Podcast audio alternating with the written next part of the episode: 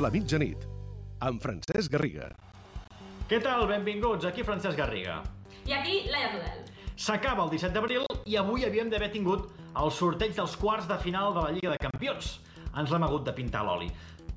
No sabem quan tornarà el futbol, no sabem quan tornarà l'esport i tampoc us volem marejar amb dates d'aquí i d'allà perquè encara no ho sap ningú. El que és evident és que algun dia tornarà i que els esportistes han d'aprofitar aquests dies perquè quan torni, que hi haurà un empatx de competicions, el que més ben preparat estigui, millor ho afrontarà. I avui, Laia, volem posar la lupa, el focus, en un futbolista del Barça que potser sí que pot aprofitar una mica aquest confinament. Sí, Artur Melo. Tu recordes què li passava a Artur just abans del confinament, Oh, com estava? impossible, No. No, no ho recordes. Ah? Lesionat. Es va lesionar en l'entrenament al turmell i per això va ser baixa en l'últim partit, no va jugar el partit del Camp Nou amb la Real Societat. Des de llavors no sabem res més, com ha anat aquesta lesió, aquest turmell. Doncs bé, el que sí que sabem és que Artur ha fet un canvi, s'ha proposat tornar millor que mai després d'aquest confinament i per això està fent un treball específic i molt fort físicament i psicològicament. L'Àlex Dalmas té tots els detalls d'aquest nou Artur. Explica'ns, Àlex Dalmas. Avui us acostaré al cas d'Artur, d'aquest nou Artur o d'aquesta voluntat d'Artur de ser un nou jugador, de solucionar el seu punt més crític, que és el punt físic, aquestes repetides lesions o aquesta uh, sensació de que els partits se li fan massa llargs. Aquest període de confinament està servint perquè Artur prengui consciència d'això i estigui aplicant un pla específic integral que ara us detallaré. D'entrada, en el sector físic. Uh, ara mateix Artur està entrenant més de 3 hores diàries, 6 dies a la setmana, només descansa el diumenge, perquè a més de la rutina física que està fent per part del Barça, ell té contractat un preparador físic i un fisioterapeuta amb el qual complementa això. Ho està complementant ara per enfortir la zona del turmell a la qual va acabar lesionat i després en una segona fase ho farà per millorar la musculatura i la resistència i, com us deia, acabar molt millor els partits. Aquest és el primer ingredient del pla. 3 hores diàries, Uh! eh, d'entrenament. Tu t'hi veus fent 3 jo hores d'esport? faig dia? 45 Mira, minuts sí, uh. cada dos dies. I, i, I eh? encara. I no sempre, no cada dos dies.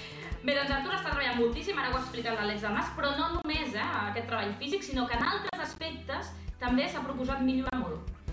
Però el pla no s'acaba aquí, perquè hi ha més. Passem a la part de l'alimentació, de la nutrició, perquè Artur també té contractat un nutricionista i una cuinera personal. És una cosa que en els últims mesos de la temporada passada també ja feia, però ara ha elevat molt més, ha elevat a la màxima expressió. Aquest nutricionista li passa propostes de menú cada dia diàries a la seva cuinera que li fa en funció dels seus entrenaments i en funció del que necessita recuperar. Així que, com dèiem, aquí també hi ha hagut una evolució. Però és que la cosa no acaba aquí, perquè també tenim un nou ingredient, un altre factor social que Artur està fent, i és que està fent classes de català, està aprenent català des de fa uns mesos, una cosa que portava en secret perquè des de fa uns dies ho ha anunciat, s'ha atrevit a anunciar-ho públicament. Així que, com veiem, eh, el pla que us anunciàvem tan específic d'Artur conté una mica tot el que li pot afectar al seu rendiment futbolístic, la seva part física, la seva part de recuperació i tractament de les lesions, la seva part nutricional i també un factor social que el pot ajudar. Sembla que Artur vol pujar aquest graó que li permeti arribar a ser un migcampista absolutament determinant. Estudiant català, Artur, eh? Això també suma punts. Està molt bé, està molt bé. Ara, esperem que duri una mica més, que per exemple, recordes Neymar, que també va començar a estudiar en català? Sí, que va dir benvingut o, o estic molt content el primer dia, però, no? Però ell va fer un tuit, Artur fa pocs dies va fer un tuit en català, no? nova classe, eh, com era? Nova classe de català Sí, online, sí, sí. aprenent i millorant, suposo que això no ho va escriure ell, i va penjar una foto on es veia com feia telemàticament aquests estudis de català i podem veure d'entrada el que està estudiant, que són, com dir, fill, o sigui, hijo, i posa fill, però fillo, hijo, fill, i els pronoms. És aquesta la signatura que està fent, a banda de veure que té un teclat amb llum, que això és molt de gamer, tu que eres gamer ho saps. Sí, el Saps for- aquests teclats de l'ordinador Pel, llum? pel Fortnite, sí. Uh, escolta'm, Exacte. uh, Artur és un dels grans noms de la plantilla del Barça, un dels grans noms dels últims a, en arribar i una de les grans esperances. És Artur el futbolista que ha de liderar al mig del camp del Barça del futur més proper? És la pregunta que li hem fet al Bernat Soler. Doncs deixeu-me dir d'entrada que eh, celebro moltíssim que Artur estigui aprofitant aquestes setmanes de confinament per fer una cosa que s'espera d'un professional com ell, que és implicar-se. Implicar-se amb el seu equip, cuidant-se a nivell físic, a nivell de nutrició, per què no també aprenent català, que és una altra demostració de focalitzar els esforços en un fet que jo crec que a Artur li hem d'exigir, que és triomfar al Barça, és clar que sí. Ha estat un futbolista que ha aparegut com eh, qui troba una agulla en un paller. Enmig de eh, la gran quantitat de futbolistes que hi ha al Brasil, resulta que trobem un home que és capaç de jugar amb un estil que semblava només destinat a la gent que sortia de la Masia. Un futbolista amb aquest ADN Barça eh, ha de tenir la seva oportunitat de triomfar en l'equip blaugrana i crec que en el futur ha de ser una peça clau al costat de De Jong, al costat del que encara li queda a Sergio Busquets i amb altres joves futbolistes de la casa com Riqui Puig, com Alanyà o com un futbolista del filial que a mi m'agrada molt i que es diu eh, Jandro Orellana. Bé, la qüestió és que fa els deures Artur i esperem veure'n ben aviat els resultats. Per cert, ja que parlo amb vosaltres, això d'aquesta samarreta que ha sortit, eh, que serà la quarta, una edició per partits especials on es barregen el blaugrana, la senyera, a mi de moment em resulta una mica pastix, eh? eh, necessito un temps encara per acabar-la de processar. Les altres, les novetats de la temporada que ve, m'agraden, especialment la primera, blaugrana amb rivets grocs, i la tercera, la de color rosa. La negra ja n'havíem vist alguna. Però aquesta que hem vist avui, jo no sé vosaltres, però a mi encara em costa una miqueta. Com diu el Barcelona Laia, avui hem vist aquesta nova samarreta que és bastant cridanera. Si l'ha publicat al diari Esport, és la quarta equipació, però és cert que és un disseny... tem- Temporada vinent, eh? La temporada Sí, sí, vinent. sí. Però és la quarta, eh? La quarta samarreta. Però és un disseny que, home, jo, a mi m'ha agradat. És una fusió, ara et dic aquí la descripció, fusió entre els colors de la senyera i els colors blaugrana. Clar, quan dius fusió i samarreta, dius, ostres, Mm. a veure què sortirà. Però no, no, en aquest cas, jo crec que està ben trobat. És de franges verticals, no? A mi m'agrada, a mi Sí. m'agrada, sobretot perquè no és la samarreta principal, no és la primera samarreta, i amb la quarta pots jugar una mica, pots ser més creatiu, és la quarta, la faràs servir poc, poc Home, no, no, no, no, no, és la de cada dia.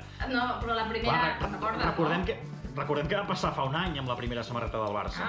Ah, a quadres, Déu meu, que si era la samarreta de Croàcia, que què estem fent, i al final tu s'ha jugat i no passa res, doncs eh, ja està. A mi també m'agrada aquesta samarreta. Bé, uh, avui és divendres, uh, Què fem divendres?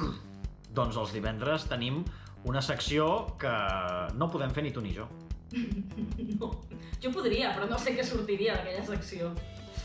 Àlex Dalmas i Jordi de Mas. Són els dos de Mas, doncs ara tenim el segon. American Dream, ho teniu a les xarxes eh, penjat. Un fragment de l'American Dream d'avui.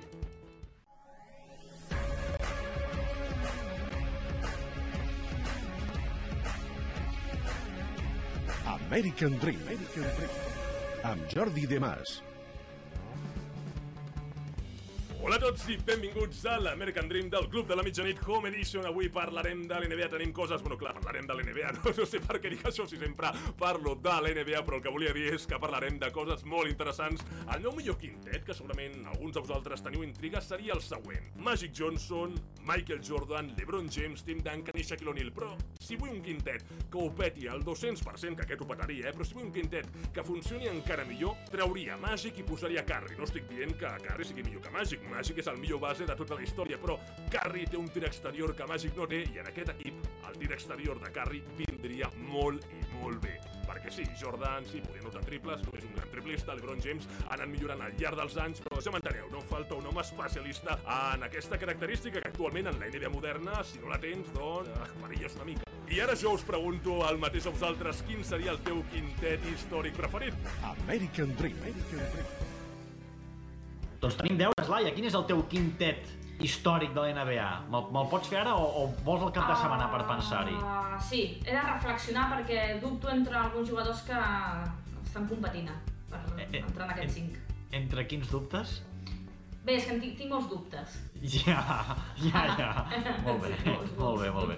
Uh, aprofiteu també per fer els vostres 5 inicials històrics de la NBA, ens ho envieu a les xarxes. Gràcies, bon cap de setmana, ens retrobem dilluns. Adéu.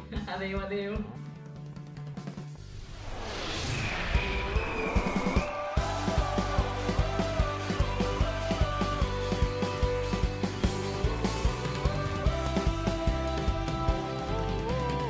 De la Mitjanit.